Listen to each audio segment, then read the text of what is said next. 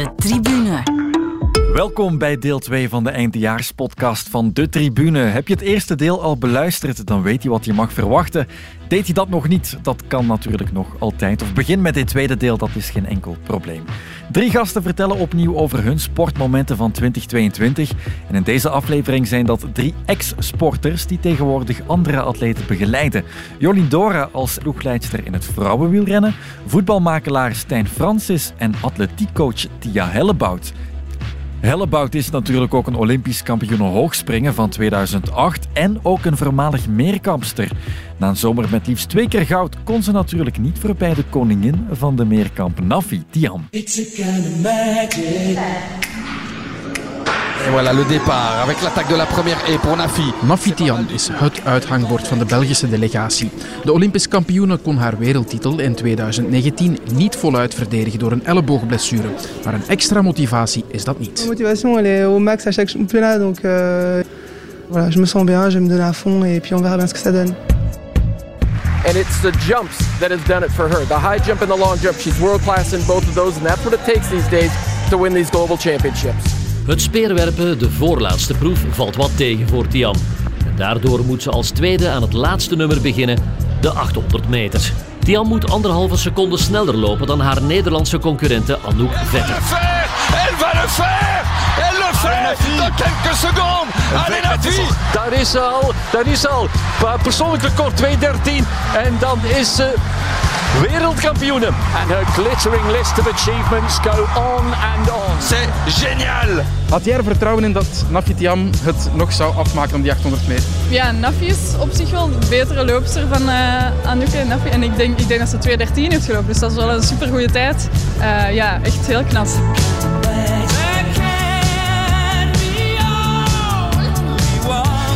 Faire deux heptathlons euh, en moins d'un mois, euh, j'ai jamais fait ça. Je pense que c'est c'est assez compliqué, surtout après un heptathlon de, de haut niveau. Na lang twijfelen doet ze het dus toch. Nafi Tiam behaalde vorige maand nog goud in de zevenkamp op het WK in Eugene. Dat was haar grote doel, maar ze kreeg toch nog zin in het EK.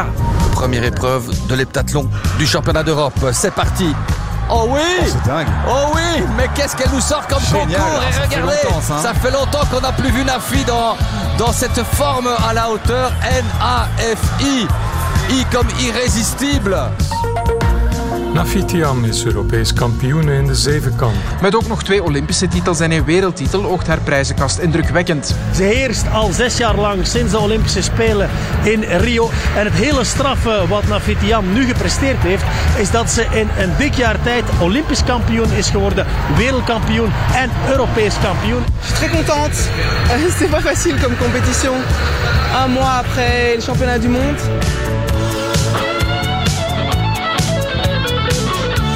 Tia Hellebout, jouw eerste moment komt uit jouw sport natuurlijk, atletiek en de meerkamp. Nafitiam kunnen we niet omheen na zo'n zomer.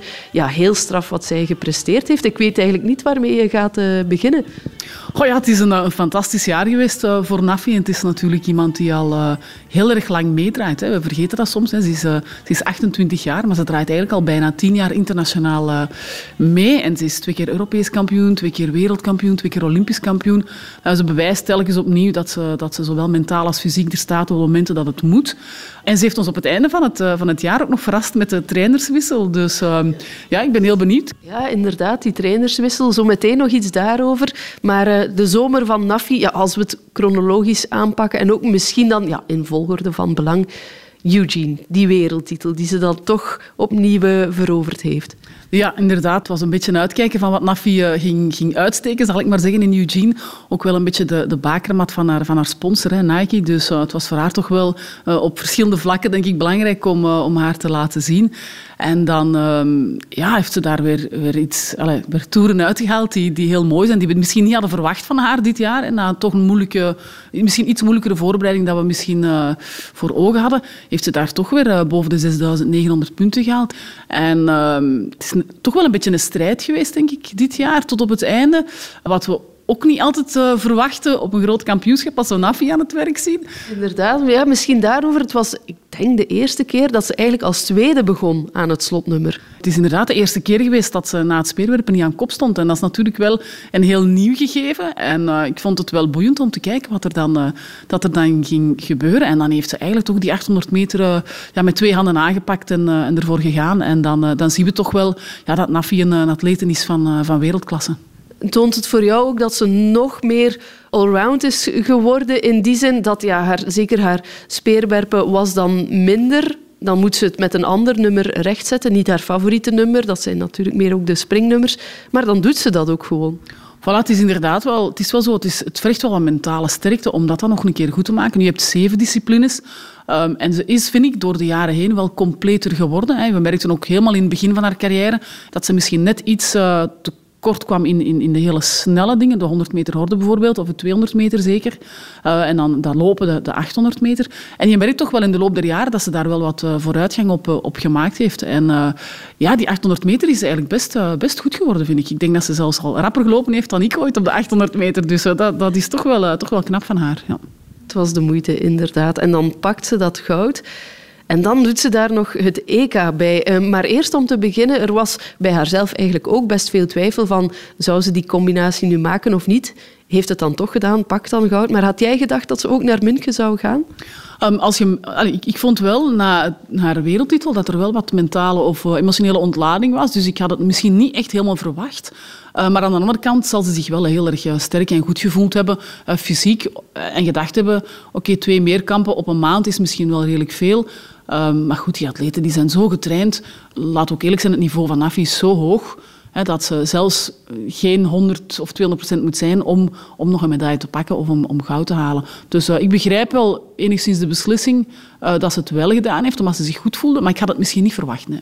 Oké, okay, onverwacht, maar dan neemt ze toch deel en dan is ze sowieso opnieuw de favoriete natuurlijk. Ja. En, en dan doet ze het ook in München, onder meer ook dankzij een heel sterke prestatie in het uh, hoogspringen, hè, jouw nummer. Ja, dat hoogspringen is al een tijdje een, beetje minder geweest. En uh, nu zagen we toch dat ze, dat ze toch wel hard gewerkt heeft, dat ineens de puzzel zo terug iets beter kon, uh, kon passen. En dan zien we toch dat ze weer terug boven die 1,95 meter kan, kan uitkomen. Hè. Nafitiam, heel straf, twee keer goud en, en dat nog geen, ja, of amper een jaar na die Olympische titel. Um, maar we moeten zeker ook Norvits vermelden, hè, want uh, zij in uh, Tokio al net ernaast gegrepen en dan deze zomer eigenlijk ook nog net twee keer ernaast. Dan um, ja, mogen we vooral niet vergeten dat het wel heel straf is wat ze doet.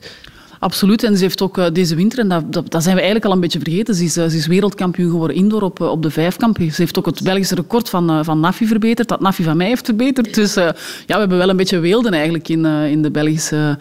in de winter zijn we nu met, met drie meisjes in de top 11 van de wereld aller tijden. Dus uh, ja, heeft mij uit uh, de top 10 gekegeld aller tijden, maar bon, zij mag dat.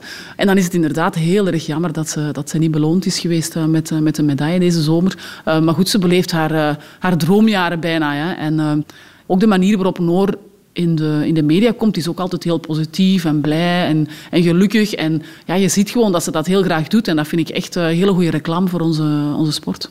En om het moment Nafi af te ronden, um, je zei het in het begin, ze gaat met een nieuwe trainer aan de slag. Um, ik weet niet, ben jij ooit van coach gewisseld of was het altijd bij Wim van de Ven? Ik ben altijd, uh, ik heb van mijn 21, denk ik. Hè. Van mijn 21 ben ik uh, bij Wim beginnen trainen. Ik ben daar eigenlijk altijd uh, gebleven. Ondanks dat hij ook wel regelmatig heeft gezegd... Ja, als je denkt dat je ergens anders uh, beter kan begeleid worden, dan, dan, dan doe je maar. Want uiteindelijk, je moet je ook goed blijven voelen bij, bij iemand en bij een coach. En je moet ook 300% vertrouwen hebben in, in, iemand. Anders ga je ook niet presteren. Ja, in dit geval denk ik dat Nafi eigenlijk gewoon... Um, na heel veel jaren bij Roger getraind hebben...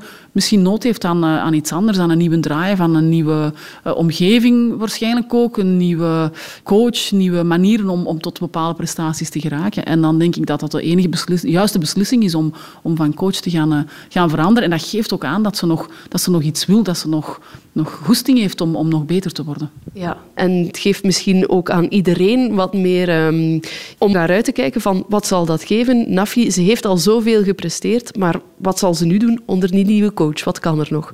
Ja, ik ben, uh, ik ben heel benieuwd wat er, uh, wat er gaat gebeuren. Dat geeft ook zo wel een beetje een, uh, ja, een andere kijk op, op Nafi de volgende jaren, denk ik. En ik denk dat ze nu ook een coach kiest die veel technischer is, die op de disciplines veel technischer gaat, gaat bekijken. En ja, misschien is dat wel een match. Het gevaar is natuurlijk dat, het, dat ze technisch een aantal dingen gaan veranderen, dat ze eventjes een diepje krijgt.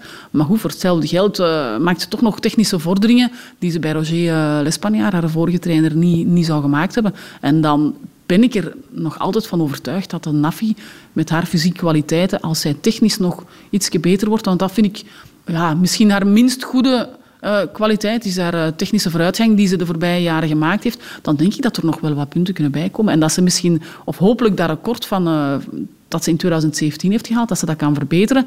Ja, en dan zit je natuurlijk super dicht rond het Europese record. Hè. En dan, dat zou fantastisch zijn dat we als ja, als Belg kunnen zeggen dat we ja, in ons land in atletiek iemand hebben die het Europese record heeft verbeterd. Dat is toch fantastisch. Voilà, nog genoeg uitdagingen voor Nafitiam. En zien hoe het loopt met die nieuwe coach ook. Hè. Ja, absoluut. Ik ben, uh, ben heel benieuwd naar, uh, naar Nafi de volgende jaren. Het tweede moment van Tia Hellebout is misschien iets verrassender. Het WK volleybal van de Yellow Tigers. Maar je zal horen dat Tia Hellebout daar een goede persoonlijke reden voor heeft. Ja, een voilà. winnaar. Het is oh, over. Knap, knap, knap. Dit zal deugd doen, Mark. Een eerste winst tegen Puerto Rico, ja, 3-0. Ja. Het is geweldig om deze wedstrijd te winnen, om zo een toernooi te kunnen starten. Dus laat die oef maar achterwege en let's go in dit toernooi. Wat maakt Italië zo sterk? Een heel goede spelverdeler, fysiek heel sterke aanvallers en uh, een van de beste libro's van de wereld. Goeie, goeie. Ja! Ja, ja! ja. Oh, oh, oh! Oh, het is niet waar. Het is niet waar, we waren aan het juichen. Die derde set is heel jammer. Ik denk dat je daar gewoon een beetje ja, het missen van ervaring ziet. En wie maakt het af? Het is Danesi 9-25. Italië wint. Ah, nu is het even balen. Ik denk dat we daarna gewoon even de koppen bij moeten steken en toch moeten zeggen chapeau. En ik hoop als we deze lijn kunnen doortrekken naar vrijdag om uh, misschien uh, Nederland dan wel over de knie te kunnen leggen. 10.000 Nederlandse supporters in Arnhem, maar de Yellow Tigers zijn niet onder de indruk. Dat zal opnieuw Brit Herbots worden. Ja. Ja, ja, knap, zeer scherp, diagonaal. Chapeau voor heel de ploeg, chapeau voor wat iedereen ervoor gedaan heeft. Zonder de ploeg zou ik ook niet kunnen doen wat ik doe. Dit moet het dan toch zijn. Kilians naar, even kijken, Herbots en... Oh, jawel! Het is afgelopen. Het is afgelopen. België wint van Nederland. Een schitterende prestatie. Wat een stunt. 1-3 overwinning hier in het Hol van de Leeuw voor 10.000 uitzinnige oranje supporters. Voilà! De set is binnen. Ho, ho 26, 28. Sensatie lijkt in de maak, maar in set 2 bukt Brazilië zich door de Belgische defensie. Ah, het is voorbij. Het is voorbij. China wint met 3-0 van de Yellow Tigers. Het was misschien wel een beetje de wedstrijd te veel voor de fysiek moe gestreden Yellow Tigers, die toch een uitstekend WK achter de rug hebben. Vijf overwinningen en vier nederlagen. En daarmee eindigen ze wel in de top 10. Ja, het was een uh, ongelooflijke ervaring. Uh, ik denk nog altijd qua resultaat dat het wel uh, schitterend is gewoon weer hebben gepresteerd. Jammer dat er geen enkel, ja, dat op de laatste wedstrijd er geen stuntje tussen zat. Maar het was zeker en vast wel een geslaagd WK, denk ik.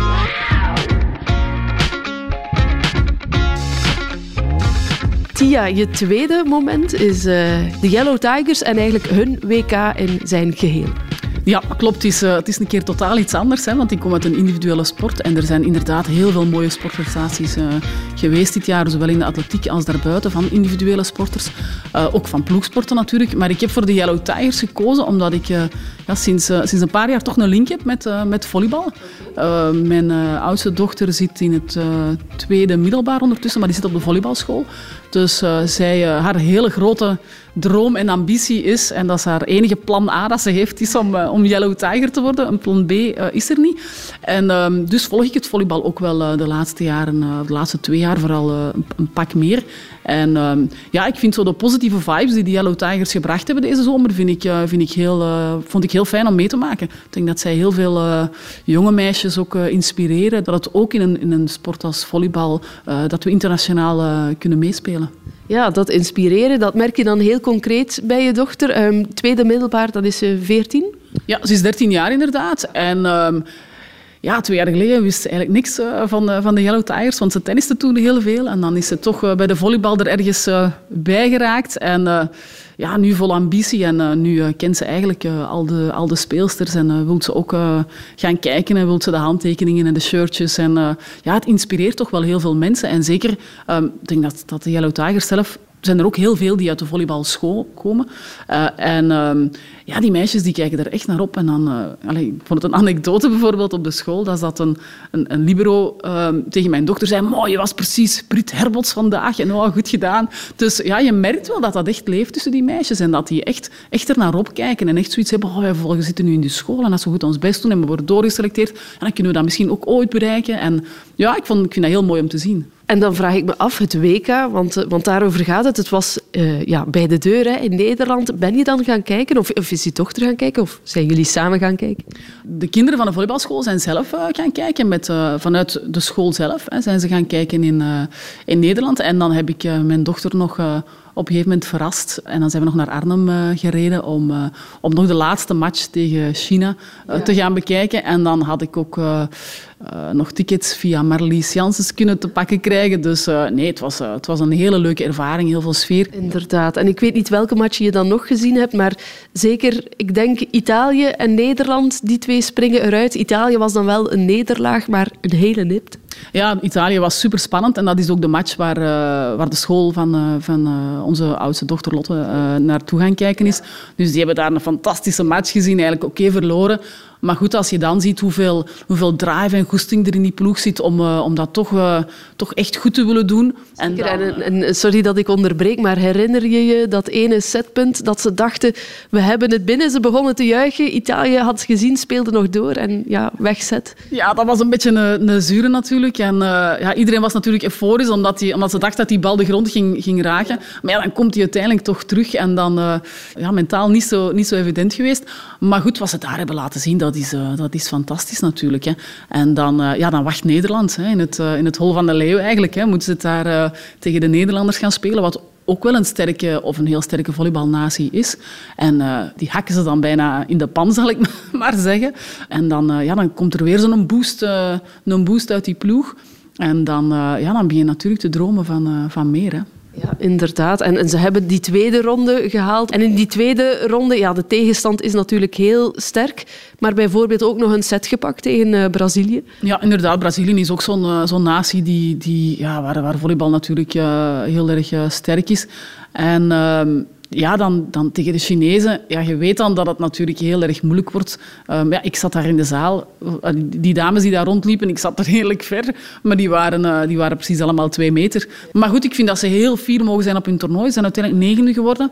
Uh, een beetje jammer dat ze niet, niet achtste geworden zijn omwille van de verdere kwalificatie naar de volgende toernooien. Nog iets over het WK. Ja, wie zich daar heel erg in de kijker heeft gespeeld, is Brit Herbots natuurlijk. Je noemde haar al, dat is, dat is wel een beetje de ster van die Yellow Tigers.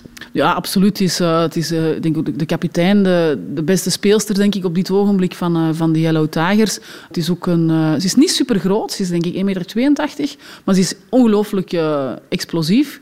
En uh, ja, ze, maakt gewoon, uh, ze maakt gewoon alle punten voor, uh, voor België, zonder afbreuk te doen aan de rest van het team. Want je hebt natuurlijk je team nodig om, om die ballen uiteindelijk bij, bij een Brit Herbots te krijgen. Hè. Ja, mijn dochter is, is grote fan, dus ze spelen op dezelfde positie. Dus voilà, ze kijkt er heel erg naar op. Ja. Opvallend ook dat ze echt wel er stonden op het WK, omdat het ook wel wat extra sportief onrust was rond de Yellow Tigers, met dan de ja, aantijgingen tegen de bondscoach Gert van de Broek wordt nog altijd uh, ja, een uitspraak of een soort van beslissing in verwacht, zonder het echt concreet daarover te hebben. Maar nu als mama ook van een dochter die zo'n teamsport speelt, heb je daar ook wel meer aandacht voor van hoe zit dat juist met de coach, met de staf, met die omgeving? Ja, natuurlijk zijn we daar, zijn we daar als ouders zeker, eh, zeker mee bezig. Het is een moeilijk evenwicht natuurlijk. Hè. Als, als coach, ik geef zelf training aan kinderen. Mijn man heeft jaren of is nog altijd aan het coachen. En het is een moeilijk evenwicht. Hè. Aan de ene kant wil je spelers of uw atleten een beetje uit de comfortzone trekken om, om beter te worden. Maar aan de andere kant, ja, niet iedereen zijn grens ligt, ligt even, even hoog of even laag. Dus het is een, een heel moeilijk evenwicht als coach om, om dat op de juiste manier te doen. Maar goed, ik denk dat de spelers dat zelf, speelsters dat zelf moeten kunnen aangeven. Van kijk, dit is voor mij mijn grens, dit gaat te ver of dit, gaat, uh, dit is oké. Ik vind dat een heel moeilijk uh, verhaal om daar, allez, heel moeilijk om daar iets over te vertellen. Want je bent daar niet bij, dus je kan daar heel moeilijk over oordelen. Maar het feit dat hij nog bondscoach is en dat hij toch wel heel veel steun krijgt van van de meisjes die, uh, die nog op het, op het plein staan. Dus natuurlijk een deel die hebben afgezegd. Um, en ze hebben het wel heel erg goed gedaan. Zal er toch wel ook iets goeds gebeuren. En ja, tijden zijn, zijn inderdaad wel, wel veranderd en er wordt meer, uh, op, uh, meer toezicht gehouden op het, op het mentale aspect. En dat is ook heel erg belangrijk. Ja, ja voilà. Dat is eigenlijk sowieso al uh, iets positiefs dat daaruit is, is voortgekomen. Absoluut. Ik denk dat we dat toch wel kunnen stellen, ja. ja. Zeker. En goed, om af te ronden, je zei het eigenlijk al, het EK komend jaar, EK volleybal in eigen land, voor eigen publiek. Moeilijke poelen, dat wel. Maar het is ook wel een jonge groep die misschien alweer een jaar beter, een jaar sterker, een jaar meer ervaring zal hebben dan uh, dit jaar met het WK. Ja, het is inderdaad een uh, relatief jonge ploeg. En er zijn er ook wel een aantal bij die internationaal in topploegen spelen. En ze zullen zeker nog, uh, nog wel groeien. En het zal nodig zijn, denk ik, want ze spelen al uh, tegen Servië. Dat is een, uh, zijn ze niet meer één van de wereld, ik weet het niet, maar toch echt wel heel sterke landen. Maar het kan alle kanten uit. We hebben het gezien. Als je tegen Italië een set kunt pakken, tegen Nederland kunt winnen, dan ehm, ja, laten we hopen, de sky is the limit. En uh, huppakee. De tribune. De tweede gast van deze week is Stijn Francis, zelf ex-voetballer. Maar misschien ken je hem vooral door zijn huidige job. Als voetbalmakelaar van onder meer Dries Mertens, Toby Alderweireld en Cyril Dessers ziet hij ook een andere kant van het voetbal. Maar voor hij het heeft over een van de bekendste en misschien wel beruchtste voetbalmakelaars die in 2022 overleed, begint Stijn Francis met koers. Want ook voor hem was de wereldtitel van Remco Evenepoel een hoogtepunt. Een hele goede nacht, België. We gaan beginnen aan de koers. De koersen, de wegrit bij de mannen. 267 kilometer in totaal. Ja, iedereen verwacht misschien Remco eerder zal aanvallen en ik keer zal wachten. Uh, maar we zullen zien hoe dat, dat gaat uitpakken. We gaan rijden. Ja, als Remco zich heel goed voelt, waarom dan niet rijden inderdaad? Oh, deze kleine hier kan met de fiets rijden. En hier even een poel. Even, even, even, even. Lutsenko die het gevaar begrijpt. En met Lutsenko heb je een goede gezel mee. Ja, een hele goede. Heb je een goede gezel mee. Maar ik denk dat Lutsenko, mochten ze met z'n tweeën naar de streep gaan, die geeft zichzelf heus wel een kans natuurlijk. Dus Evenepoel zal het straks alleen moeten doen.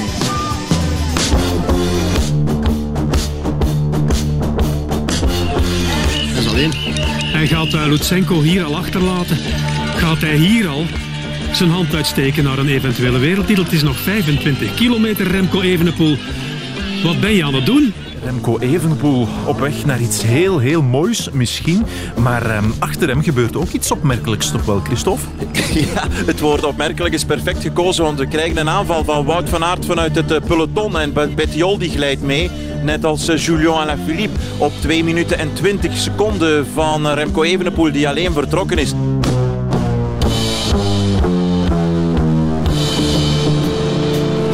Is zover. De zegentocht was een hele mooie en een hele lange. Remco Evenepoel op 700 meter van de streep. En nu beseft hij het. Wat een kippenvel. Komt hij nu met het vingertje op de, op de lip.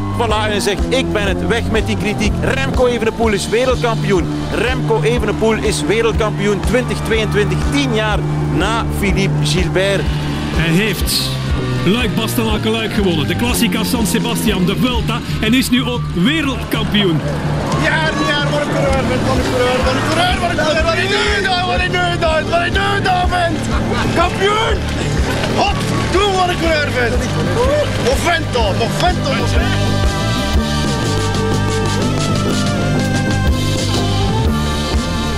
Stijn Francis, jouw eerste sportmoment van het jaar is er één dat voor velen wel het moment van het jaar was, denk ik. Remco Evenepoel wordt wereldkampioen. Waarom kies je dat moment? Um, eerst en vooral omdat ik wielerfan ben. Ik ben denk ik meer wielerfan dan ik voetbalfan ben. Wat misschien vreemd is voor de job die ik doe. Maar vooral ook het verhaal erachter. Dus uh, ik denk... Uh, mensen onderschatten soms hoe, hoe zwaar het is. En dat zie ik dan wel met mijn eigen cliënten, voetballers. Dus eh, de kritiek die hij gekregen heeft, de blessures die hij moet overwinnen, de, alle, alle negativiteit rondom hem. ook het feit dat hij soms een uitgesproken mening heeft en dat hij daarvoor commentaar krijgt. En dan op die manier, op dat moment, het zo goed doen en het zo mooi afmaken. dan ben ik gewoon heel blij. niet omdat die jongen een Belg is, ook omdat die jongen een Belg is, dat, dat helpt wel. Maar dan vind ik dat gewoon, ja, ik vind een geweldig verhaal en ik vind dat hij uh, geweldig lik op stuk heeft gegeven aan iedereen die, die een mening daarover had. Uh, dan denk ik ook, ik denk even mijn eerste reacties op dat moment was, dat heeft die Lefebvre eigenlijk toch wel geweldig gezien. Die heeft hij aan een lange termijn contract gebonden.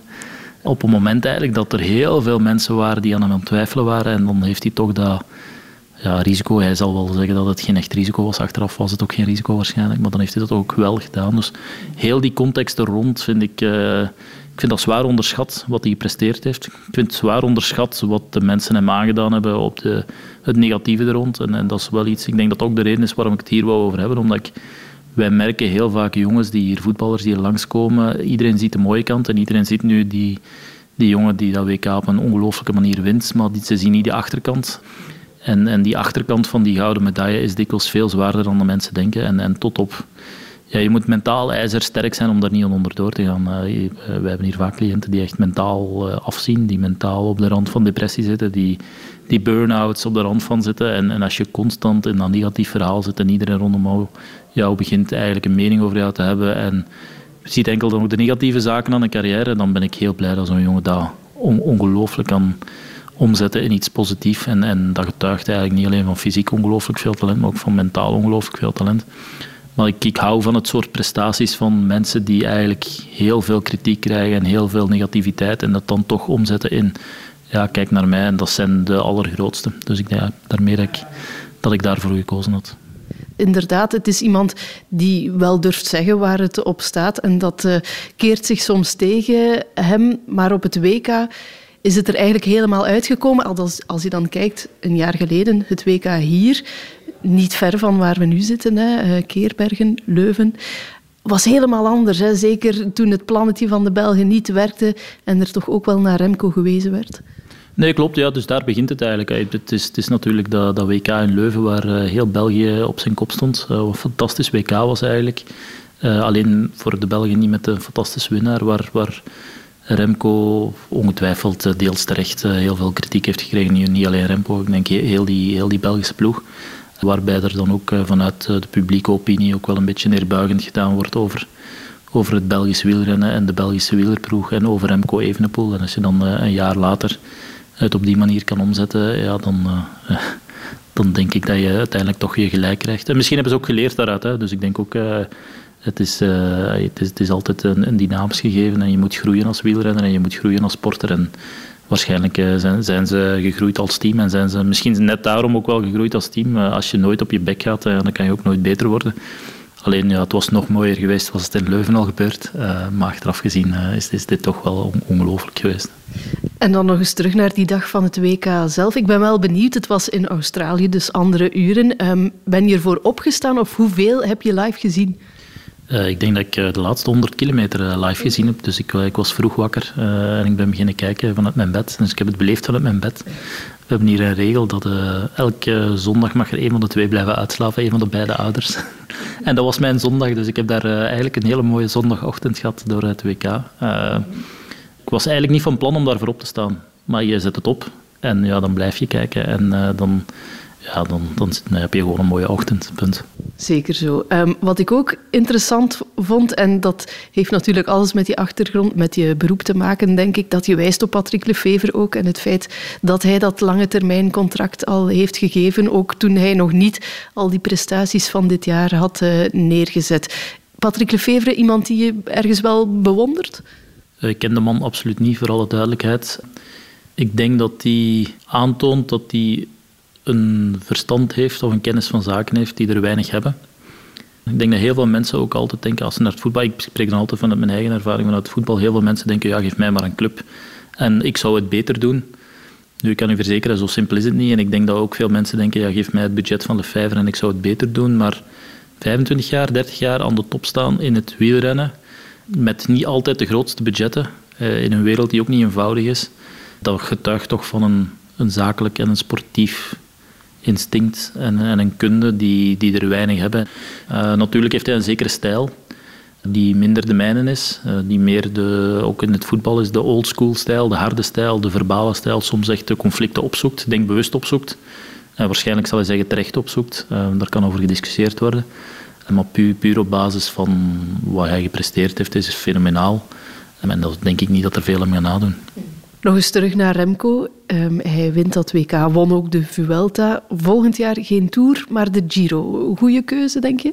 Oh, ik ken te weinig van wielrennen om dat in te schatten. Ik denk dat de, de geleidelijke weg altijd de beste weg is. Uh, dat is ook wat wij onze eigen voetballers adviseren. Is altijd van, ja, kijk, stap voor stap. Maar natuurlijk, als je ziet hoe goed hij gepresteerd heeft, dan roept iedereen van, ja, hij is klaar om de Tour de France te winnen. Uh, maar misschien getuigt dat weer van het, uh, het vernuft van, van Lefebvre om eerst uh, die Giro uh, aan te pakken en, te zien hoe dat loopt, uh, voor, alvorens die sprong te wagen naar de Tour de France. Dus ik denk dat hij daar veel beter voor geplaatst is dan ik om daar een mening over te hebben. Maar de weg van de geleidelijkheid lijkt, mij, lijkt mij nooit een slechte keuze.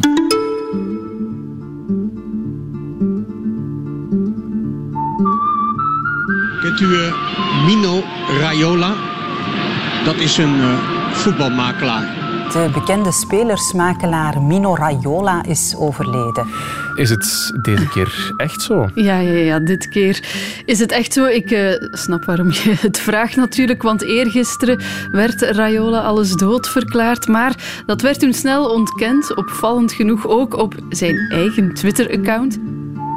Mino Raiola is tot en die voetbalwelt trauert. Um Top soccer agent Mino Raiola Has passed away. El mundo del fútbol vivió un momento insólito. La dolorosa noticia de que Mino Raiola había fallecido corría a 54 anni. Mino Raiola. Misschien wel de grootste zaakwaarnemer uh, van het moment. Raiola was een Nederlander met Italiaanse roots. Who counts some of the biggest names in world football among his clients.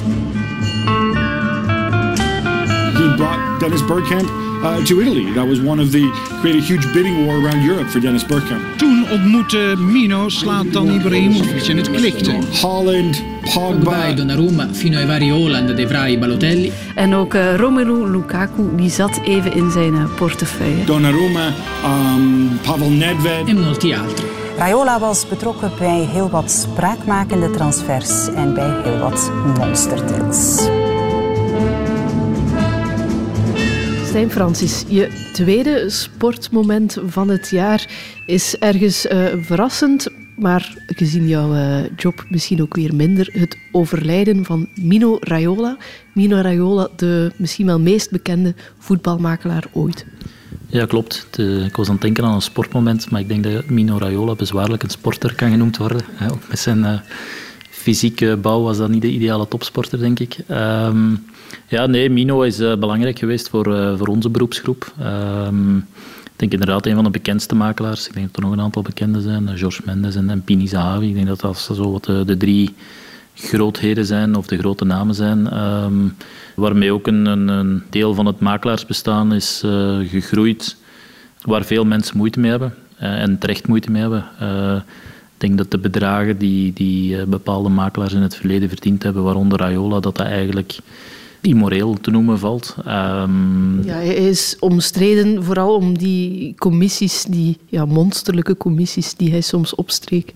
Ja, klopt. Dus die bedragen die daar uh, genoemd worden en, en die ook bevestigd worden door hem. Dus eigenlijk, het is ook niet illegaal, denk ik, of uh, toch niet illegaal uh, voor zover we weten wat hij gedaan heeft. Um, maar natuurlijk, dat vertegenwoordigt wel een, een deel van de, de voetbalindustrie die minder mooi is, minder fraai is en dat nog altijd bestaat. Um, nu, Mino, voor alle duidelijkheid, is, is ook nooit ergens uh, op veroordeeld geweest. Dus ik denk dat die man uh, ook wel goed omringd was door goede advocaten. Maar dat immorele, ik kan onmogelijk zeggen dat het, dat het moreel is dat je meer verdient dan je eigen cliënt. Maar dat is wel een generatie makelaars waar dat eigenlijk uh, de gewoonte was. waarbij een makelaar de, de belangen diende van, van zichzelf in eerste plaats en dan van de club of van de speler, naar gelang het hem goed uitkwam. Uh, wat voor alle duidelijkheid nogmaals niet, niet illegaal is, maar wel immoreel is. Zeker als uw cliënten niet op de hoogte zijn. Uh, maar ja, dat, Mino was de, de makelaar van Ibrahimovic, de, de, de ronkende namen in het voetbal. Uh, was iemand die ook een, naar de media toe een bepaalde rol speelde. Een, een, een, een rol die, die door sommige clubs gehaat werd, die door sommige clubs gesmaakt werd en die door zeker spelers ook gesmaakt werden. Dus hij heeft zeker zijn verdiensten ook. Ehm, maar ik denk dat dat de eerste, waarschijnlijk de eerste echte grote makelaar is geworden. En dat je heel veel mensen nu ook door uh, figuren zoals hem denken, ah, makelaars is het snelle geld. Um, wat helaas uh, niet zo is. En als het zo is, is het vaak omdat het immoreel is. Maar natuurlijk heeft de man ja, zijn verdiensten, ja, heeft, heeft de makelaars eh, de functie of de rol van de makelaar uh, op, kaart, op de, de, de, kaart gezet in het voetbal. Dus ik denk dat dat op zich al een verdienste op zich is. Alleen ja, die excessen die er dan bij horen, dat is, dat is wel iets waar ik het moeilijk mee heb. Maar dat door zijn verleiden zal dat zeker niet stoppen. Nee, want ja, zijn rechterhand, ik moet even spieken, Rafaela Pimenta, zij heeft het zo'n beetje overgenomen. Hè. Als je ook ziet welke namen in de zomer zijn veranderd van club. Haaland naar City, Pogba terug. Um, en dat zijn er maar, maar enkele. Dus het lijkt gewoon voor te draaien in de carousel. Nee, klopt. Nu, dat, dat ziet misschien ook wel uh, Mino Raiola, dat hij een, een, een, een, team rondom zich gebouwd heeft dat mij eigenlijk zo kan vervangen. Dus dat is ook wel gebleken deze zomer. Dus dan, misschien is dan de conclusie, Mino zei, zei wel dat hij onvervangbaar was, maar eigenlijk is hij dan toch wel duidelijk vervangbaar. Die, die, dat imperium is zeker niet in elkaar gestort. Ben je hem misschien ooit eens tegengekomen uh, tijdens je werk? Ik zelf ben hem nooit tegengekomen. Uh, onze cliënten zijn hem wel tegengekomen. Ook uh, op een bepaald moment was er een, een, Nederlands talent dat met ons ging samenwerken en die had eigenlijk al gekozen. En dan is daar toch nog Mino Raiola tussen gekomen, helemaal op het einde. Die dan ook wel ja, toch een bepaalde charme heeft en een bepaalde stijl heeft. Want ik vind dat dat mensen soms wel onderschatten. Dat soort makelaars, die worden niet groot uh, doordat ze een grote mond hebben, maar die worden vooral groter doordat ze kwaliteiten hebben. En dan kan je wel zeggen, oké, okay, is immoreel en er is te veel geld verdiend, 100% akkoord. Maar dan vind ik ook wel, je moet ook wel de goede kanten kunnen belichten. En die goede kanten zijn wel dat hij zakelijk en, en op bepaalde psychologische aspecten kwaliteiten heeft die, die niet iedereen heeft en zelfs weinig mensen hebben. Inderdaad, dat is wel opvallend door spelers die hij vertegenwoordigde. Zeker niet allemaal. Lukaku bijvoorbeeld is niet zo heel lang bij hem gebleven. Uh, maar andere, Ibrahimovic is misschien het toppunt, ja, die, die lopen heel hoog op of liepen heel hoog op met hem. Uh, ik denk dat het Mark van Bommel was die ook zei, Mino regelt alles als hij zo'n speler heeft, en zeker ja, als hij het belang van die speler goed kon inschatten, dan deed hij ook wel heel veel voor die speler. Uh, dat was ook wel een kracht dat hij dat inzag, het belang misschien daarvan. Ja, ik denk dat hij heel goed was in het, uh, in het opbouwen en onderhouden van een relatie met een cliënt. En ik denk dat je hebt zo de, de, de makelaars die heel hard duwen op die relatie, uh, die heel goed zijn het onderhouden van die relatie denk dat Mina dan nog combineerde met niet alleen de relatie, maar ook de zakelijke kant. Maar ja, natuurlijk, daar is een derde kant en, en ik, ik weet niet hoe hij dat oploste. Uh, als je dan een Pogba, en je ziet dat hij op een transfer van Pogba 50 miljoen euro verdient en Pogba verdient enkele miljoenen netto per jaar, wat ook veel geld is voor alle duidelijkheid, maar dat je makelaar zoveel meer verdient, ja, dan mag je wel een goede relatie hebben en dan mag je wel tevreden zijn over de zakelijke kant. Dan stel ik me toch nog altijd vragen over, uh, over dat derde aspect van ja, wil ik iemand hebben die eigenlijk vooral met zichzelf bezig is eerder dan met mij. Uh, maar daar slaagt hij dan toch wonderwel in en dan zal hij daar wel een uitleg voor hebben. En ja, dan is hij weer zo sterk in dat relationele volgens mij dat hij, ja, het verhaal dat ik ooit gehoord heb, is dat er een, Nederlandse speler, een niet, niet eens zo grote speler, een jong talent, wou overstappen omdat hij te weinig dan de relatie voelde op dat moment. En ik spreek over 10, 15 jaar geleden. Um, en uh, dat, ik, uh, ja, dat uh, in het vliegtuig sprong, onmiddellijk. Hij vloog naar Amsterdam, reed naar die jongen toe. En die is tranen beginnen wenen en die zei, jij bent mijn nieuwe grote talent, jij moet bij mij blijven. Zonder jou gaat het me niet meer lukken. En, en een heel theater daar rond. En die jongen is gewoon bij hem gebleven. Dus dat is ook een, een ja, je kunt weer zeggen van ja, misschien is het immoreel, misschien was het oprecht. Uh, en voor die jongen was dat in ieder geval oprecht. Die zei van ja, de grote Raiola met de grote Ibrahimovic en Netvet en al die grote namen, die ligt in tranen omdat ik overweeg om hem te verlaten. Ja, ik denk dat dat een beetje naïef is. Maar het is anderzijds, ja, het is, het is uh, een beetje de Wolf of Wall Street op dat moment. Van uh, alle, alle middelen zijn goed om hier een, een, een, cliënt bij mij te houden. En dat is iets wel wel die, die makelaarswereld ehm, ja, dat heel vaak voorkomt en dat eigenlijk degoutant is, vind ik persoonlijk. het, is, het is nooit ik heb nooit het gevoel dat dat 100% oprecht is in, in, in vele gevallen. En soms kan het oprecht zijn, maar dat mag niet de, de relatie bepalen, vind ik. Het moet eerder het, het zakelijke zijn en het goede werk zijn dat de relatie bepaalt, eerder dan hoe je voelt bij iemand. Dus, uh... Ja, en het is een heel typerende anekdote. Nog één iets over Raiola. Hij zei zelf ook wel, want ja, immoreel, je kan dat er zeker bij plakken, 50 miljoen euro bijvoorbeeld bij Pogba, inderdaad. Maar hij zei zelf, ik heb nooit ergens een contract onderhandeld met uh, een pistool tegen uh, het hoofd van wie moest tekenen van de club dan uh, bijvoorbeeld. Hij zei, het systeem is nu eenmaal zo en ik, gebruik, ik maak er gebruik van. Maar het systeem zit eigenlijk niet helemaal goed. Dat zei hij zelf dan ook weer wel. Nee, het systeem is, uh, is verrot. En uh, dat komt gewoon door die transfermarkt. Dus uh, het, is, het is gewoon moderne slavernij. Dus dat is een van mijn favoriete onderwerpen. als je een voetballer bent en je tekent een arbeidscontract bij een club voor vier of vijf jaar, dan ben je vier of vijf jaar de slaaf van die club. En iedereen zegt, ja, maar ze verdienen goed. Ja, ze verdienen goed. Maar als je na twee jaar een contract kan gaan tekenen bij een andere werkgever in het buitenland en je kan daar ik heb van de zomer denk ik een contract gehad waar die jongen twintig keer zoveel kon gaan verdienen en die club zegt nee. Of die zegt nee tenzij ze een prijs vragen van 30, 40 miljoen. Ja, dan ontstaat er een probleem. En een andere werknemer die in een normale sector zit, die kan zijn eh, contract opzeggen en die kan vertrekken. Uh, een speler die moet rekenen op de goedkeuring van de club. En wat zeggen de slimme makelaars dan? Van ja, kijk, oké club, je wilt er 20 miljoen voor. Als ik er 25 van maak, hoeveel krijg ik ervan?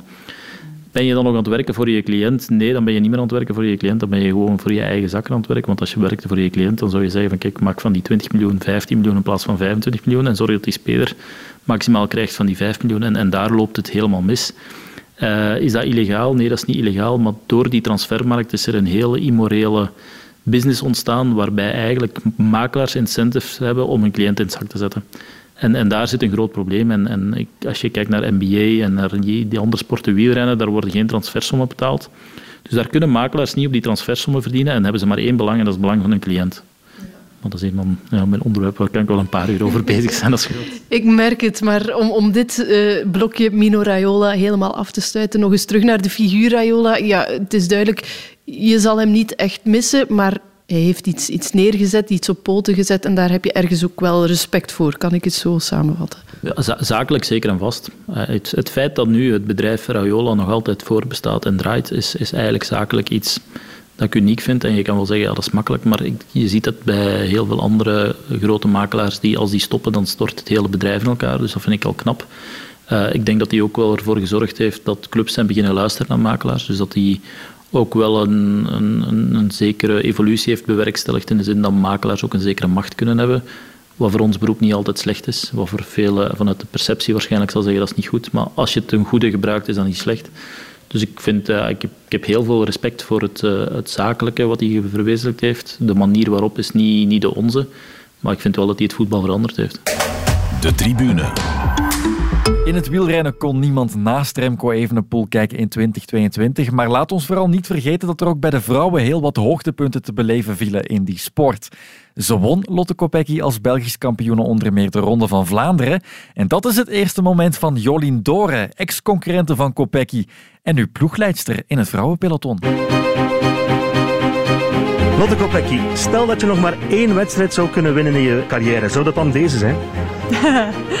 Ja, toch wel denk ik. Uh, het is voor mij echt een super speciale wedstrijd. Dus uh, na het 2K op de weg misschien ja, toch wel de allergrootste wedstrijd die er bestaat. Dus ja, absoluut. Ik hou van strijd en uh, nou ja, dus het is wel heel mooi om, om haar daar in de mix te zien. maar mij is de topfavoriet van vandaag. 4, 3,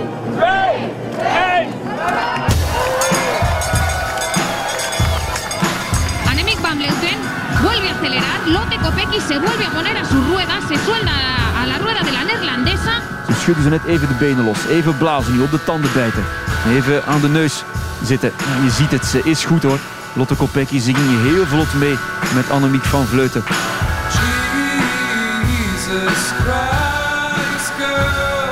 Er was superveel volk aan de kant en uh, ik denk dat, ik, dat er geen, geen minuut stilte geweest is dat ik mijn naam niet gehoord heb. Van Vleuten, van Vleuten nog eens, dan moet je mee. Je sprintje rijden, Kopecky, naar wat wiel. Ze doet dat perfect op een klein verzetje, kijk eens. Come on, Annie, come on, come on, come on, come on, you can drop, you can drop it, you can drop her. Vaststelling, Van Vleuten krijgt Kopecky er voorlopig niet af. En we gaan met een eh, groepje over deze Paterberg. En dan is het belangrijk voor Kopecky dat deze Chantal van den Broek-Blaak mee is. Annemiek van Vleuten, die een dijk van een wedstrijd heeft gereden. Maar nu wel in de tank tussen twee ploeggenotes. Van Vleuten gaat. Kopecky gaat mee en gaat er onmiddellijk naast. Gaan we naar een Belgische overwinning. Y es Annemiek van Vleuten la que acelera en primera persona, pero Lotte Kopecky la adelanta sin problemas. Lotte Kopecky aan de leiding. Ze komt erover. De tanden op elkaar. Van Vleuten geeft het op. Het is Lotte Kopecky die het haalt. De gebalde vuisten en de handen naar de helft. Ik kan het niet geloven. Ze schudt op met het hoofd. We hebben vandaag misschien 20 jonge wielrensters bij. Lotte dringt het al een beetje door. Je hebt de Ronde van Vlaanderen gewonnen. Uh, ik weet niet, ik word van, overal, van hier naar overal weer gesleurd. Dus uh, ja, nee, het is, um, het is een uh, leuk gevoel. Ik hoop dat ik hiermee veel jonge renners kan, rensters kan aanzetten om die fiets te pakken en, en ook in de Rome na te jagen. Jolien Dore, jouw eerste moment van 2022 is niet zo heel verrassend, denk ik. Dat is Lotte Kopecky, die de Ronde van Vlaanderen wint. Maar toch de vraag, waarom kies je dat moment? Ja, dat was voor mij wel een, een speciaal moment. Eerst en vooral omdat ik zelf ook in die koers zat. Ik zat zelf ook in de, in de auto van, van mijn eigen ploeg, AG Insurance Next G. Um, dus ik had eigenlijk die koers op een, op een andere soort manier beleefd. En ik heb stiekem wel een beetje meegenoten van, van Lotte naar overwinning tijdens de koers dan. Maar al is het niet gemakkelijk om dat tegelijkertijd te volgen. Uh, maar dan achteraf heb ik de beelden nog eens bekeken. En dan pas beseft je van, ja, dat het echt wel iets unieks was. Hè. Winnen in die Belgische trui in Ronde van Vlaanderen. Um, dus dat was super mooi. Hoe anders is het om die koers te beleven als ploegleider en niet meer als wielrenster? Ja, toch helemaal anders. Hè. Nu, um, ja, de laatste keer in de auto, je zit met zoveel dingen bezig. We hadden heel veel pech in die koers. Dus eigenlijk zit je vooral met dat bezig. En je zit niet echt meer gefocust op die finale van, van de Ronde van Vlaanderen. Dus ja, je beleeft op een heel andere manier. En als, en als coureur, als je dan in dat peloton zit, zit je zo zelf, met jezelf bezig en uh, helemaal gefocust op je, op je eigen prestatie. Dus het is een heel andere manier van, uh, van koersbeleving, ja. En terug naar Lotte dan. Ja, ze wint in die Belgische kampioenentrui dan nog eens. Een beetje wel, mogen we zeggen, dankzij het ploegenspel is die Works heel sterke ploeg natuurlijk, weet jij ook. Ja, het was een beetje machtsvertoon hè, van SD Works. Um, het was een beetje SD Works tegen Annemiek van Vleuten. En dan met een heel belangrijke rol voor Chantal van den Broek-Blaak. Zij heeft eigenlijk een beetje het pad geëffend voor Lotte. Maar ja, super knap van Lotte dat ze, dat ze echt wel Annemiek kan volgen. Uh, we hebben gezien afgelopen jaar dat er niet veel waren die dat konden. En ja, het sleutelmoment was eigenlijk een beetje op de Oude Kwaremond. Toen Annemiek eigenlijk haar demarrage plaatste en was Lotte eigenlijk de enige die mee kon. Dus toen bewees ze al van ja, als, als ze haar naar de finish nemen, meenemen, dan, uh, dan heeft ze grote kans om, om die koers te winnen. Zeker. En ook belangrijk, denk ik, ook voor Van Vleuten mentaal misschien, dat ze ja, een paar weken daarvoor was het uh, wat een gelijkaardige situatie en won Kopecky de Strade Bianchi. Ja, dat was ook zo'n ander kippenmoment van Lotte eigenlijk. Um, Annemiek ja, volgen in een Strade Bianchi. Die koers is op haar lijf geschreven. En dan uh, Lotte zogezegd als sprinter, uh, die dan gewoon Annemiek volgt bergop. Ja, dat was echt heel indrukwekkend. En dan vooral die laatste kilometer en dat was echt gewoon kippenvel. Uh, dus dat was een ander mooi moment van Lotte. Dus het was moeilijk om te kiezen tussen die twee. Maar dan koos ik toch voor uh, Ronde van Vlaanderen, eigen land. Ja, voilà. Ik ging het vragen inderdaad. Want er waren veel opties bij Lotte Kopecky, Strade, de Ronde. Dan vergeten we nog een handvol medailles EK, WK baanwielrennen. Zilver op het WK mag ook wel gerust vermeld worden, denk ik. Ja, zeker en vast zijn er heel wat. Hè. Maar ik weet dat Lotte al, al heel lang bezig was met de Ronde van Vlaanderen. Um, dus dat ze hem nu kon winnen en op zo'n mooie manier, dat is eigenlijk het mooiste. Ik denk ook voor haar, stiekem. Had ze vooraf mogen kiezen, dan had het sowieso de Ronde van Vlaanderen geweest. Maar ja, het zijn er heel wat, bijgekomen. En uh, ik kijk er naar uit naar volgend jaar, wat ze dan kan presteren ook. Het heeft ook wel wat losgemaakt. Hè. Dat merkte je eigenlijk al bij de Strade. Uh, haar zegen daar terecht heel veel aandacht gekregen. En dan die ronde, een beetje als, als klap op de vuurpijl of als het toppunt. Heeft heel veel gedaan ook, denk ik, voor de vrouwenkoers. Ja, zeker en vast. Het vrouwenwielrennen zit gewoon in de lift. Uh, niet alleen in België, maar ook gewoon over heel de wereld. Uh, dat merken we overal. Zeker nu ook met de Tour de France geweest. Um, er stond heel veel volk langs de kant van de weg. Alles werd live op tv getoond. Um, en dan merk je gewoon, het leeft echt bij het publiek. En ja, we worden geapprecieerd nu. Um, dus dat doet, doet heel wat deugd voor ons, maar ook voor de rensters. En ja, het, het, is mooi hè, dat het zo in de lucht zit. Dus ik kijk ook uit naar de toekomst nu. En merk je dat ook op een manier voor, voor jullie ploeg? Dat jullie, het is misschien moeilijk heel concreet te maken, maar, maar toch op een manier mee van kunnen profiteren? Ja, toch wel. Toch wel. Uh, onze ploeg uh, was eigenlijk tot vorig jaar redelijk onbekend, zal ik zeggen. Uh, als, ik, als ik zei, ja, ik word ploegleidster bij NextG, keken de meesten zo eens van, ja, welke ploeg is dat? Bestaat die ploeg? Ehm, en als ik nu zeg, ja, AG Insurance Next G, dan iedereen kent die in België. Het is een Belgische ploeg. En nu ook met aanhang van de mannen van, van Quickstep, van Soudal Quickstep, ehm, doet dat heel wat. Ehm, dus ja, eh, het, is, het is mooi dat ik mezelf niet meer moet verdedigen van ja, ik ben ploegleider bij een vrouwenploeg. Het wordt gewoon erkend nu en uh, het, is een volwaardig beroep ook. En ook voor de rensters is het gewoon super mooi. Het is een volwaardige job geworden. Ze kunnen er goed van leven nu. Dus zo, zo zou het moeten zijn, ja. Inderdaad, een hele mooie evolutie in de vrouwenkoers. Um, ehm, SD-Works, Lotte Kopecky was daar nieuw dit jaar. Er was misschien ergens ja, een klein beetje twijfel van hoe zal ze daar haar plek vinden, want heel veel vrouwen die het kunnen afmaken in die ploeg, maar het lijkt alsof ze daar echt helemaal op haar plaats zit en, en ook geen uh, problemen heeft gehad met aanpassing of zo. Nee, dat klopt, maar ik bedoel, ja, als je zo goed bent als Lotte, dan, dan is het niet moeilijk, denk ik, om in een ploeg te passen. Als je bij SD-Works rijdt, dan, dan is het, het voornaamste is eigenlijk dat je koersen kan afwerken. Dus als je zegt van dat is mijn doel, Ronde van Vlaanderen is mijn doel, dan moet je die ook winnen. Ehm, als, je die, als je dan tiende wordt of, of vijftiende, dan is het niet goed. En dan, uh, ja, dat gaan ze ook laten merken dan binnen de ploeg. Dus er is, er is wel druk mee gemoeid. Um, maar daar kan Lotte zeker mee omgaan. En ze heeft bewezen dat ze het aan kan. Hè. Ze, kan uh, ze kan al die grote koersen winnen. Um, dus dan is het ja, makkelijk om in die ploeg te passen, denk ik. Voilà, en dat ze het aan kan, inderdaad. Want dan was de zomer misschien net iets minder, tussen aanhalingstekens. Maar dat maakt ze dan eigenlijk helemaal goed op de baan. En dan ja, zilver op het WK had ook zelfs meer kunnen zijn. Ja, en, en het is ook heel moeilijk om een heel seizoen echt top te zijn. Hè. Je hebt altijd goede momenten en iets mindere momenten. En uh, ik denk dat het publiek daar niet altijd even makkelijk mee kan omgaan. Ze moeten dat gewoon eh, ja, aanvaarden dat het zo is. Uh, en ja, ze heeft bewezen dat ze terug, terug is gekomen. En op wat voor manier. Uh, ze heeft heel wat koersen nog gewonnen in het najaar. Dus ik, ja, we moeten terecht vier zijn hè, dat, we, dat, dat we iemand hebben zoals Lotte Kopecky. Zeker. En je zei al, ik ben benieuwd wat dat volgend jaar zal geven. Wij ook eigenlijk, want ja, ze heeft natuurlijk een heel mooi jaar gekend. Wat denk je, waar zullen haar uitdagingen liggen? Het is natuurlijk een vraag meer voor Lotte zelf, maar hoe schat jij het in? Ja, het, grote verschil nu is dat uh, Lorena Wiebes ploegmaat wordt van haar bij SD-Works. Um, dus ik verwacht dan die, die iets vlakkere koersen, zoals een Brugge de Pannen, Gent-Wevelgem, voor Lorena zullen zijn. Dus ik denk dat Lotte zich vooral moet focussen op de iets zwaardere koersen, zoals een Strade Bianchi en misschien wel een Luik Bastenaken Luik. Um, als ze naar die type koersen gaat, gaan ze wel vol kaart trekken.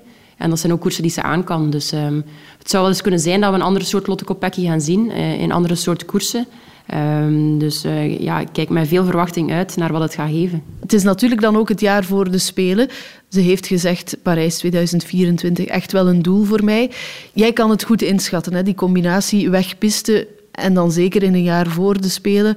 Moeilijk om die twee te combineren of dat, dat mag geen probleem zijn, want dat heeft ze al getoond uh, de voorbije jaren. Ja, met een goede planning en, en, genoeg discipline, wat ze zeker heeft, uh, is dat zeker te doen, die combinatie. Maar de moeilijkheid nu is dat de drie Nations Cups eigenlijk in het voorjaar liggen. Um, dus om die combinatie te maken, Nations Cup en een voorjaar rijden, dat is heel moeilijk. Ja, en misschien daarbij zeggen ook belangrijk voor, voor kwalificatie. Ja, we moeten sowieso minstens één Nations Cup rijden. Um, dus dan gaan ze keuzes moeten maken. Ze gaan koersen moeten laten vallen op de weg. En dan zal ze ook vol toewerken naar het WK Glasgow. Dat is begin augustus. Want dat is natuurlijk een week na de Tour de France. Dus uh, het is afwachten van hoe dat ze haar conditie daar gaat indelen. Dus ja, het, is wel moeilijk, uh, maar het is zeker niet onhaalbaar. Voor haar tweede moment kiest Jolien Doren voor iemand die minder in de aandacht komt. Gewichthefster Nina Sterks. Zij was recent nog te gast in de tribune om te vertellen over haar WK. En dat is het tweede moment van Jolien Doren. Het is een beetje uh, ingewikkeld. Het is inderdaad, normaal gezien ik mee in de min 55, maar dat is niet meer olympisch. De min 59, degene daarboven, heb ik nog nooit gedaan. Ik weet totaal niet wat dat inhoudt. Dus daarom hebben we voor nu het plan gemaakt dat we voor het WK naar de min 49 gaan. Please welcome the athletes and officials in the women's 49 kilogram Group A category. From Belgium, Nina Sterks.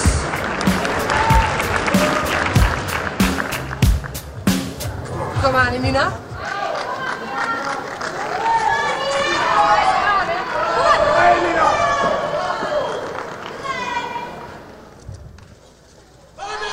Wow. That's unbelievable. She can't even believe she made that. that was a miraculous whip. She landed on her toes, rocked back, adjusted. Another fantastic save, but that 88 has to mean something special to her. Naar een min 49 gaan is echt wel heel strikt. Dat is iets wat dat helemaal niet evident is en dat, dat, dat vraagt echt heel veel van mij. Unbelievable. I don't think. How does she do it? How does she do it? She had no idea she was going to make that rip. I think. Brilliant strategy from the team. I think we saw about 10 different emotions in 10 seconds there. Wow. Surprise, excitement. she looked close to tears and she was almost laughing. I just absolute amazement.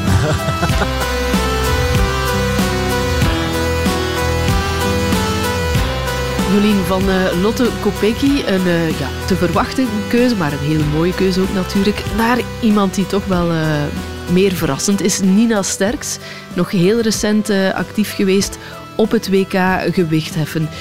Zeker hier, de logische vraag, maar zeker op zijn plaats, waarom dat moment?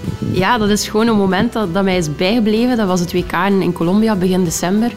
Ze deed daar eigenlijk mee in een gewichtscategorie eh, min 49 kilo. En ze komt eigenlijk van de categorie min 55 kilo. Dus ik weet dat ze, dat ze heel wat moeite en energie heeft gestoken om, om af te vallen. En om dan eigenlijk ja, zo'n prestatie te leveren, een zesde plaats op het WK. En eigenlijk had het brons moeten zijn, eh, omdat er eh, ja, iets was afgekeurd door de jury. Ehm, dus ja, ik vond dat super mooi en super knap. En, en ik denk dat er niet veel mensen beseffen van wat voor weg zij heeft afgelegd om, om, ja, om een zesde plaats te behalen. Je hebt het echt wel gevolgd. Ehm, ken je Nina ook persoonlijk? Ehm, ja, telkens dat ik eigenlijk in de krachtzaal zat, in, in het Vlaams Wielercentrum Eddy Merckx, was zij daar ook aan het trainen, met, samen met Bieke en met Tom.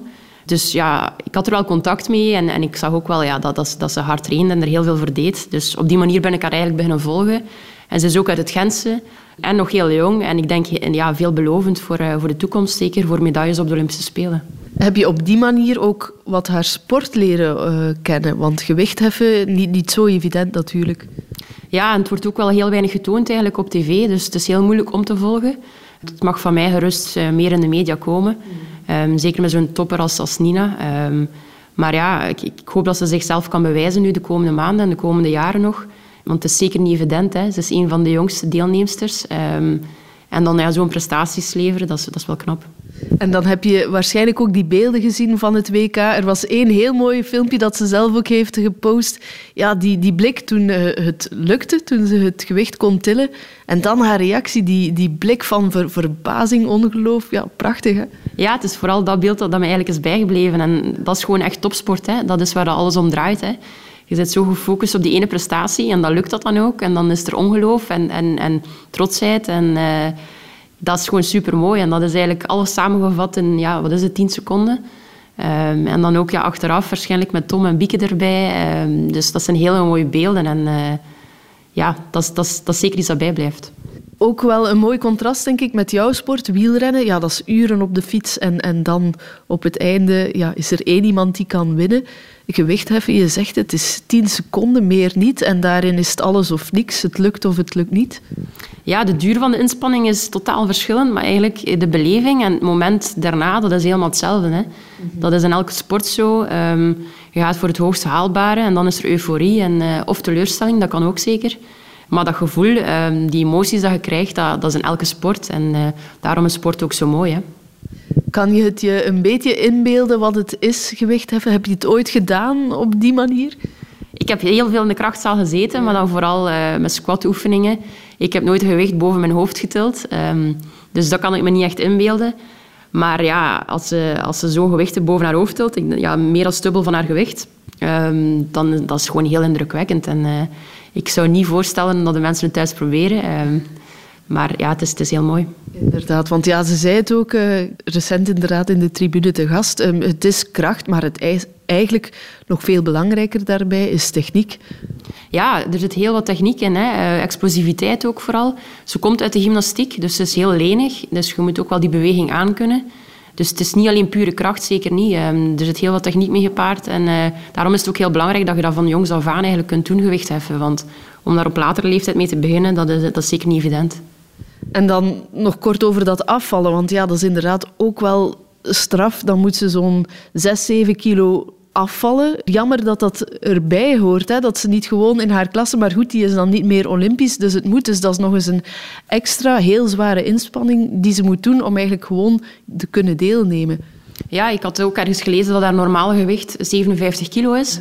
Dus dat was eigenlijk de keuze van, ja, gaan we dan deelnemen in de, in de min 59 kilo of in de, in de min 49 kilo? En dan heeft ze de laagste categorie gekozen. Dus dat is wel, ja, dan, moet je eigenlijk meer dan 7 kilo afvallen, wat, dat, wat zeker heel moeilijk is. Uh, dus ja, dat zijn dan saunabeurten, um, echt extreem op je voeding letten, wat dat eigenlijk ja, ongezond is. En ze wil dat ook niet in de media brengen, wat ik ook heel goed vind, um, zodanig dat mensen dat niet gaan kopiëren. Um, maar dat is eigenlijk denk ik de grootste moeilijkheid. Het proces tot, tot aan de wedstrijd en dan ook de weging zelf. Ik denk dat dat heel veel stress geeft. En dan de wedstrijd zelf, dat is denk ik voor haar meer genieten en uh, bewijzen dat ze het kan. Maar ik denk die, die maanden of die weken vooraf, dat is gewoon heel extreem zwaar. Ja, inderdaad. En je zegt het, ze wil er dan niet te veel over zeggen. Gewicht verliezen, iets, wat je misschien kent ook in het wielrennen. Want uh, ja, daar gewicht verliezen, um, het kan soms de verkeerde kanten uitslaan ook. Ja, dat klopt. Um, het is altijd een heel gevoelig onderwerp. Um, ook binnen het wielrennen en dan zeker binnen het vrouwenwielrennen. Ik denk dat we genoeg gevallen weer gezien hebben afgelopen jaar, jammer genoeg. Maar het, het goede is eigenlijk ook dat ze er mee naar buiten komen nu. Uh, er is recent iemand gestopt bij Jumbo-Visma, een, uh, een, meisje of een vrouw, die met anorexia kampte. Uh, en die is met naar buiten gekomen met verhaal. En nu gaat ze eigenlijk overal um, toespraken en, en, keynotes gaan geven over haar ervaringen. Wat alleen maar goed is, denk ik. Hoe meer dat er over gesproken wordt, um, hoe, ja, hoe bespreekbaarder het is. En dan kan het ook behandeld worden, het probleem. Inderdaad, lijkt algemeen wel een trend dat alles veel meer gezegd kan worden. Um, dat je niet, geen schrik meer moet hebben om over dergelijke problemen of mentaal problemen of zo uh, te spreken. Ja, dat klopt. Die mentaliteit is er nu gelukkig wel.